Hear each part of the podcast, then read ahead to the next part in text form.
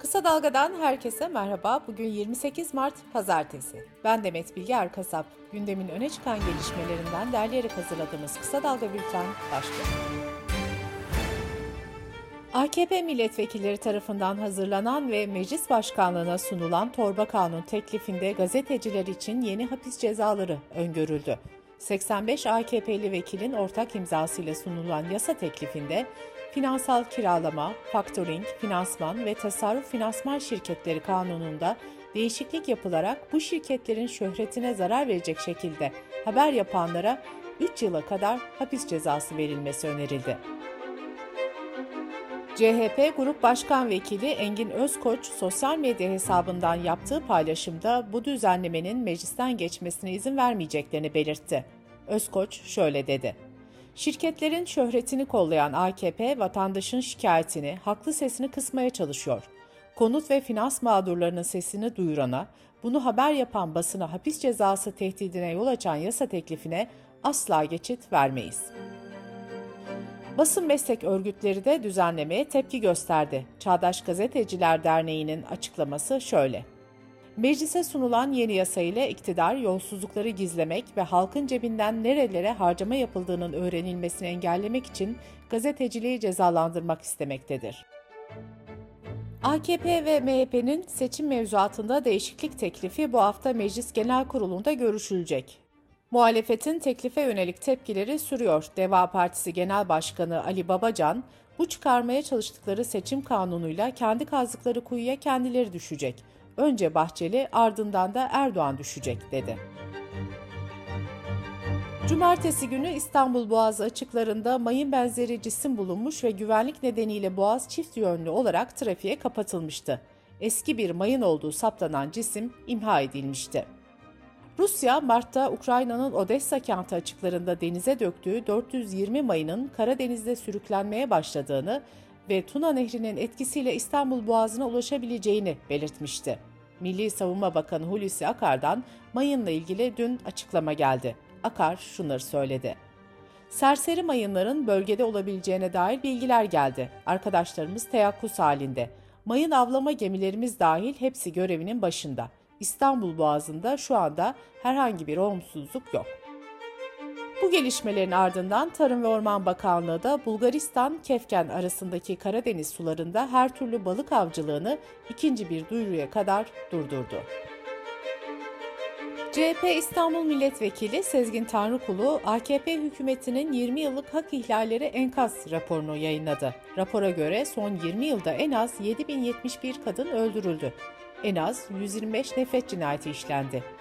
30.446 işkence ve kötü muamele yaşandı. 836 gazeteci tutuklandı. 6.323'ü çocuklara yönelik olmak üzere en az 41.378 yaşam hakkı ihlali gözlemlendi.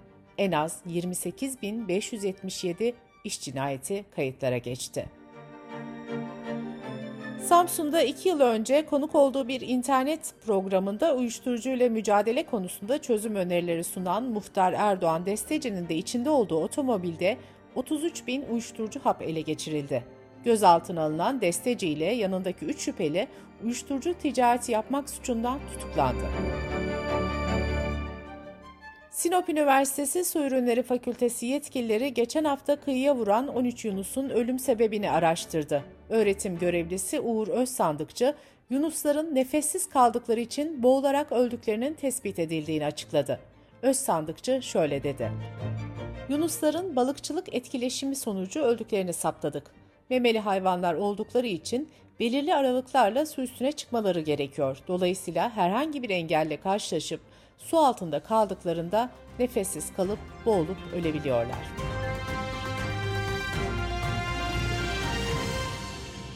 Dış politika ve dünyadan gelişmelerle bültenimize devam ediyoruz. Rusya'nın geçen ay bağımsızlığını tanıdığı Ukrayna'nın doğusundaki Luhansk bölgesinin yetkilileri bölgenin statüsüne ilişkin yeni bir açıklama yaptı. Rus medyasında yer alan haberlere göre resmi olarak sadece Rusya tarafından tanınan Luhansk Halk Cumhuriyeti'nin lideri Pasachnik, Rusya'ya katılmayı oylamak için bir referandum yapılabileceğini söyledi. Rusya geçen ay ayrılıkçı Luhansk ve Donetsk cumhuriyetlerinin bağımsızlığını tanımıştı.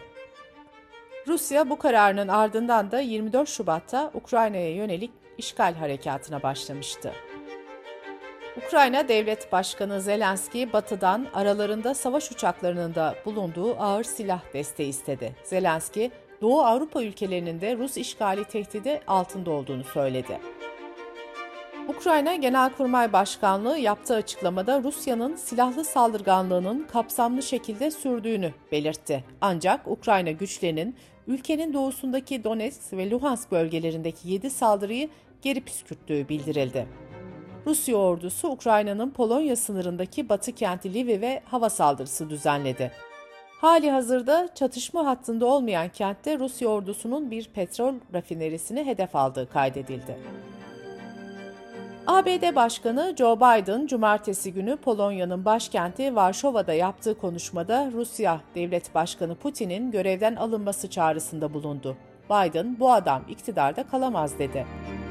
Biden'ın bu sözleri tartışma yarattı. Washington'ın Moskova'da yönetim değişikliği çağrısı yapması olarak algılanan sözlere Beyaz Saray'dan düzeltme geldi. Beyaz Saray'ın açıklamasında şöyle denildi. Başkanın söylemek istediği şey Putin'in gücünü komşularında ya da bölgede göstermesine izin verilemez olmasıydı. Yoksa Putin'in Rusya'daki siyasi gücünden ya da bir rejim değişikliğinden bahsetmiyordu. Ancak bununla kalınmadı ve Biden'ın sözlerine bir düzeltme de Dışişleri Bakanı Blinken'dan geldi.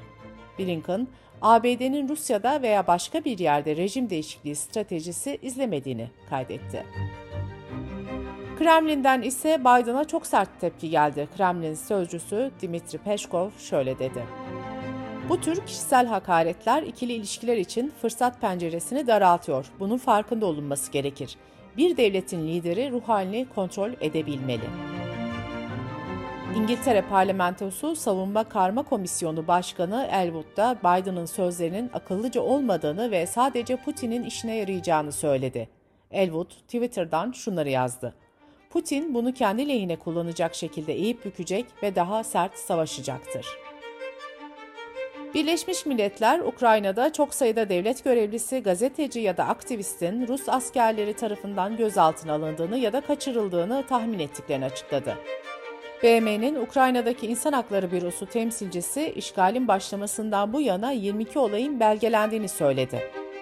Ukrayna makamları tarafından kayıt altına alınan vakalarda keyfi gözaltılar ya da kayıpların bulunduğunu ifade eden temsilci, bu kişilerden 13'ünün daha sonra serbest bırakıldığı bilgisini verdi. Dışişleri Bakanı Mevlüt Çavuşoğlu, Katar'ın başkenti Doha'da yaptığı konuşmada Rus oligarkların Türkiye'ye gelebileceğini ancak oligarkların yapacağı işlerin uluslararası hukuka aykırı olmaması gerektiğini söyledi.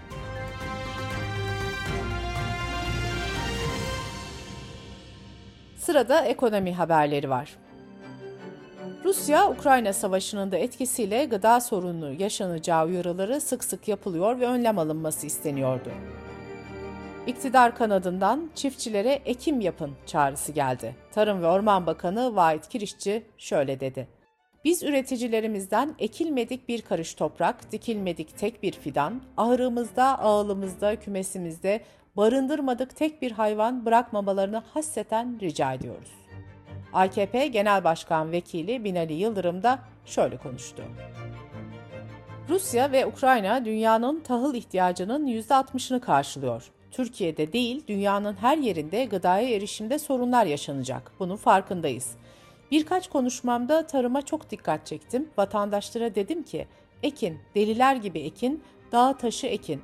Merak etmeyin, devletimiz sizin maliyetlerinizi biliyor, gereken desteği verecek. Türkiye Bankalar Birliği Risk Merkezi'nin 2022 yılının Ocak ayına ilişkin negatif nitelikli bireysel kredi ve kredi kartı raporu açıklandı. Buna göre Ocak ayında bireysel kredisini ödeyemeyenlerin sayısı geçen yıla göre %247.4 artışla 145.333 oldu. Bireysel kredi kartı borcunu ödeyemeyenlerin sayısı da %162.2 artışla 106.618 kişiye çıktı. CHP Genel Başkan Yardımcısı Ahmet Akın, Hazine ve Maliye Bakanı Nurettin Nebati'nin Türkiye'de akaryakıt ürünlerinin çok çok ucuz olduğu yönündeki açıklamasına tepki gösterdi. Ahmet Akın, bir aylık asgari ücretle Romanya'da 313, Yunanistan'da 406, Hollanda'da 775 litre motorin alınabilirken Türkiye'de ise yalnızca 179 litre motorin alınabildiğini söyledi.